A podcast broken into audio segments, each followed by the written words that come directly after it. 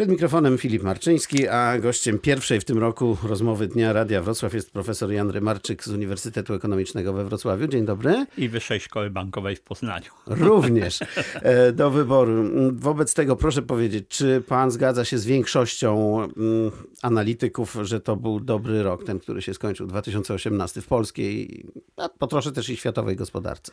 Z całą pewnością tak powszechnie uważa się, że lata 2017-2018 to właściwie jest szczyt koniunktury światowej. No i od tego momentu rozpoczną się schody. Schody w dół, jak rozumiem. W dół, oczywiście. I gdzie zajdziemy w roku 2019, jak zaczniemy schodzić po tych y, schodach? Czy na dole takiego y, właśnie takiej trasy zawsze jest kryzys, czy tylko spowolnienie, czy po prostu zwykłe życie?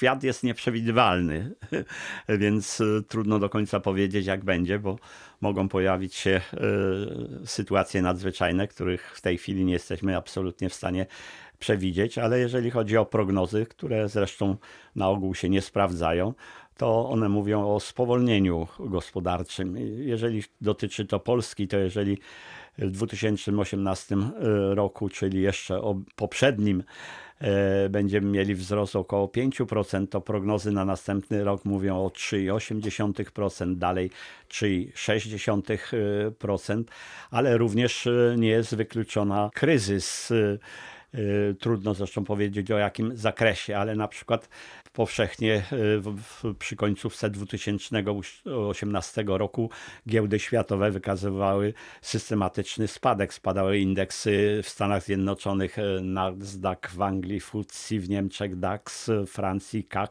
Wszystkie wykazywały spadek. No, ekonomiści mówią, że mm, giełdy to, to takie barometry. To, dokładnie tak, to barometry koniunktury i zwykle zmiany na giełdach wyprzedzają zmiany w realnej gospodarce o jakieś 6-12 miesięcy. Gdyby to była prawda, to pod koniec 2019 roku, na początku 2020 grozi nam depresja, grozi nam kryzys. Tak wcale nie musi być, bo nie wiadomo, czy te zmiany na giełdach to była tylko korekta, czy bessa. Jeżeli to utrzyma się w 2019 roku ten spadek, to będzie oznaczało bessę, bo spadki będą poważne. E, najważniejszy indeks giełdowy amerykański Nasdaq spada już około 20%, więc wtedy, wtedy realność zaistnienia kryzysu w drugiej połowie 2019 e, roku byłaby bardzo realna. W Polsce także? My jesteśmy tak mocno związani z y, gospodarką światową i trendami, że też to musimy odczuć? No, jeżeli patrzeć na historię, to globalny kryzys światowy lat 2008-2009 nie dotknął Polski. Jak no wiadomo, właśnie. Polska była tą tak zwaną zieloną, wyspą. wyspą. No, częściowo przypisuje się to zdrowym strukturom bankowym, stosunkowo e, no, prawie w ogóle e, brakiem udziału w, w aktywach bankowych złych kredytów, czy też, czy też emisji papierów wartościowych opartych właśnie na tak zwanych prim kredytach, czyli takich, których, e, których windykacja jest e, bardzo wątpliwa, ale w dużej mierze wynikało moim zdaniem to z tego, że nasze związki z gospodarką światową były dość e, niewielkie, stąd też te reperkusje, zwłaszcza, zwłaszcza związki o charakterze finansowym. Nasz rynek finansowy jest, że tak powiem, instantu nascendi, czyli w okresie rozwoju dopiero w porównaniu z zaawansowanymi światowymi rynkami finansowymi, dlatego też te negatywne impulsy przyszły tutaj z dużym osłabieniem. No właśnie, tylko Natomiast to było wracając do tego, historia wcale nie musi się powtarzać. Następny globalny kryzys finansowy może bardzo mocno dotknąć Polskę, ponieważ Polska coraz bardziej jest zintegrowana z światowym rynkiem finansowym. Mamy coraz większy udział w handlu światowym, w inwestycjach zagranicznych, bankowości, w przepływach, w transferach finansowych, więc e, e, zawirowania na rynkach e, finansowych, światowych mogą nas istotnie dotknąć, a istnieją realne przesłanki, symptomy tego, że taka sytuacja kryzysowa może się powtórzyć. Ogół... Mówił pan, że pewne rzeczy są nieprzewidywalne, ale możemy przewidzieć, że nastąpi Brexit prawdopodobnie i możemy się spodziewać dalszych ruchów ze strony prezydenta Trumpa w stosunku na przykład do Chińczyków. czyli wprowadzenie kolejnych ceł lub taka wojna handlowa, o której się mówi dość długo. To pewnie są czynniki zagrożenia. Więc jeżeli chodzi o protekcjonistyczną politykę Trumpa i jej negatywny wpływ na globalny handel, na handel światowy, to to w zasadzie jest pewnik. No, mogłoby się wydarzyć, że Trump zostanie odsunięty od władzy, że Trump umrze, czego mu oczywiście e, nie życzę, ale tego nie można wykluczyć. Jeżeli jednak wszystko pójdzie normalnym torem, to, to Trump będzie konsekwentnie realizował swoją protekcjonistyczną politykę. Na razie jest rozejm z Chinami, 90-dniowe zawieszenie. Chińczycy idą na ustęp, importują ryż ze Stanów Zjednoczonych, obniżając cła na 700 towarów i tak dalej, bo są słabszą stroną i, i wiedzą, że w, tym, w tej wojnie przekrają. Ale Trump, Trump będzie, uważam, znając jego e, e, naturę lub antycypując to, co może zrobić, będzie konsekwentnie przyciskał Chiny do muru, będzie na przykład e, żądał e, większego dostępu do rynku chińskiego, będzie żądał powstrzymania e, dewaluacji Joana, który negatywnie odpływa na, będzie żądał poszanowania intelektualnej własności. Co najważniejsze, dotychczas Chiny w przypadku inwestycji zagranicznych za każdym razem stawiały warunek, że firma inwestująca musi przekazać najnowsze technologie.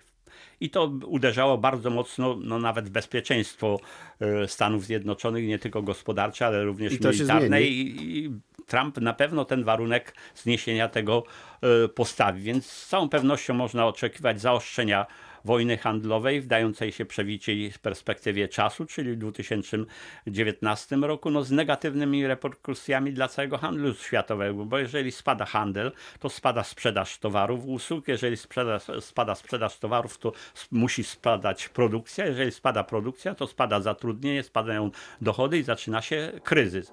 Więc ten e, e, element e, przyszłego kryzysu jest absolutnie przewidywalny, tak jak kwestia Brexitu. Oczywiście do 29 marca jest jeszcze trochę czasu, ale wszystkie znaki no na właśnie. niebie i na ziemi mówią, że parlament nie zaakceptuje e, wynegocjowanego porozumienia, a wtedy grozi twardy Brexit bez umowy z Armagedonem, e, tym biblijnym e, zarówno dla świata, jak i dla Polski, bo przecież Unia Europejska jest obok Stanów Zjednoczonych i Chin największą potęgą handlową i gospodarczą, prawda? Więc zawirowania w tym regionie muszą oddziaływać na całą gospodarkę gospodarkę światową, a tym bardziej na gospodarkę polską. Nie mówiąc o tym, że przecież my jesteśmy nieprawdopodobnie związani z rynkiem brytyjskim. No właśnie, choćby poprzez to, że tak wielu Polaków tam e, żyje i pracuje e, i dlatego też eksport z Polski był większy do Wielkiej Brytanii. Był to, tak jak pan mówi, nasz istotny partner, ale e, czy to bardziej zaboli Unię Europejską, w tym Polskę, czy to bardziej zaboli jednak Brytyjczyków, jak pan przewiduje? Ja sądzę, że bardziej zaboli Brytyjczyków na pewno, bo w konflikcie dwóch bloków zawsze straci ten, który jest słabszy. A niestety, to znaczy, y, oczywiście na szczęście y, Unia Europejska jest silniejszym partnerem od Wielkiej Brytanii. Dlatego też Wielka Brytania może przeżyć wielki szok. Oczywiście do 29 marca może się wiele rzeczy zdarzyć ale wszyscy przewidują, że parlament nie zaakceptuje wynegocjowanego porozumienia, a wtedy albo nastąpi znowu przedłużenie jeszcze okresu negocjacyjnego o parę Tego zawieszenia miesięcy. Takiego. Bardzo mało prawdopodobne jest, żeby powtórzono referendum. Znacznie bardziej prawdopodobny jest twardy Brexit z ogromnym uderzeniem e, przede wszystkim w Polskę, bo wśród tych e, członków Unii Europejskiej Polska niestety należy do słabszych partnerów. Wielka Brytania to jest e, trzeci nasz kraj, jeżeli chodzi o wielkość eksportu. My mamy ogromną nadwyżkę w handlu.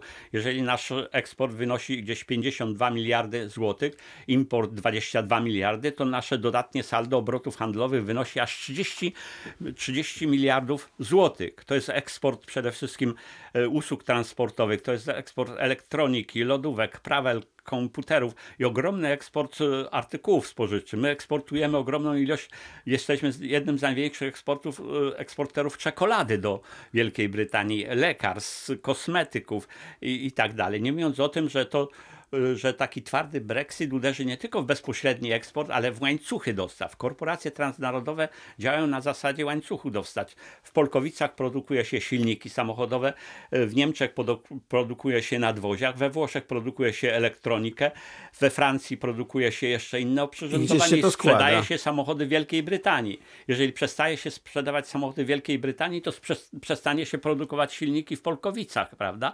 Nie mówiąc o tym, że również e, na, w ramach Erasmusa czy innych programów ogromna ilość naszych studentów e, przebywa w, Wielkiej Brytanii. Około 5 tysięcy naszych studentów w tej chwili aktualnie tam jest, naukowców i tak dalej. To wszystko się urwie.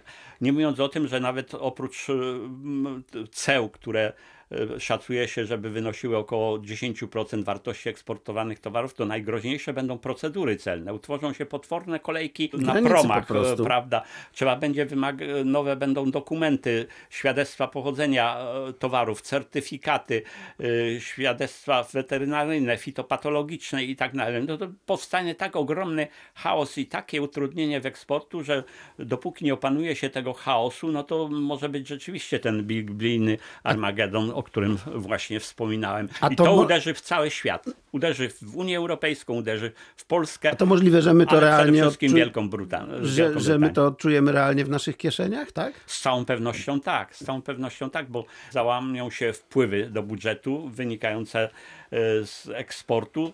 E, załamie się produkcja firm, które nastawione są na eksport, e, załamią się, załamie się zatrudnienie i załamie się, załamią się dochody. To już są symptomy przecież kryzysu, nie mówiąc o kwestiach tutaj finansowych związanych z bankami, bo przecież ludzie wtedy nie będą w stanie spłacać kredytów. Jeżeli nie spłacą kredytu, to będzie kryzys bankowy, będzie konieczny dofinansowania banków lub ich upadek, tak jak Lehman Brothers w okresie tego globalnego kryzysu lat 2008-2009.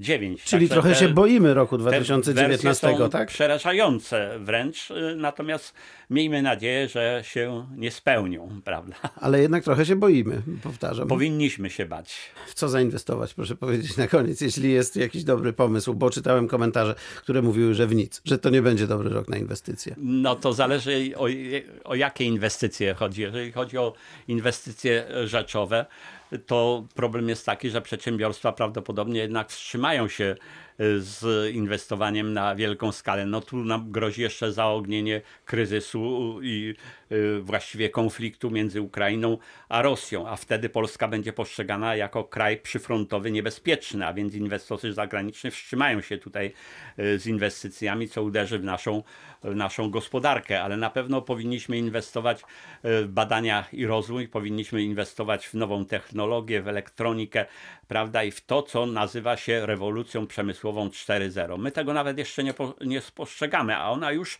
istnieje w świecie, przede wszystkim w Niemczech. To, są, to jest automatyzacja przemysłu, to jest robotyzacja, to są inteligentne maszyny, to jest druk e, trójwymiarowy 3D, to są komputery e, kwantowe, to, to są pojazdy autonomiczne, prawda? To jest no, nie, niewyobrażalne kwestie, które zmienią całe oblicze gospodarki świata. I jeżeli my nie wejdziemy już teraz w ten e, nurt, no to zostaniemy e, rzeczywiście wyautowani maksymalnie ze, ze wszystkiego, prawda? Nie mówiąc o innych kwestiach związanych z naszym konfliktem z Unią Europejską, prawda? Profesor Jan Rymarczyk był gościem rozmowy Dnia Radia Wrocław. Bardzo dziękuję. Dziękuję uprzejmie.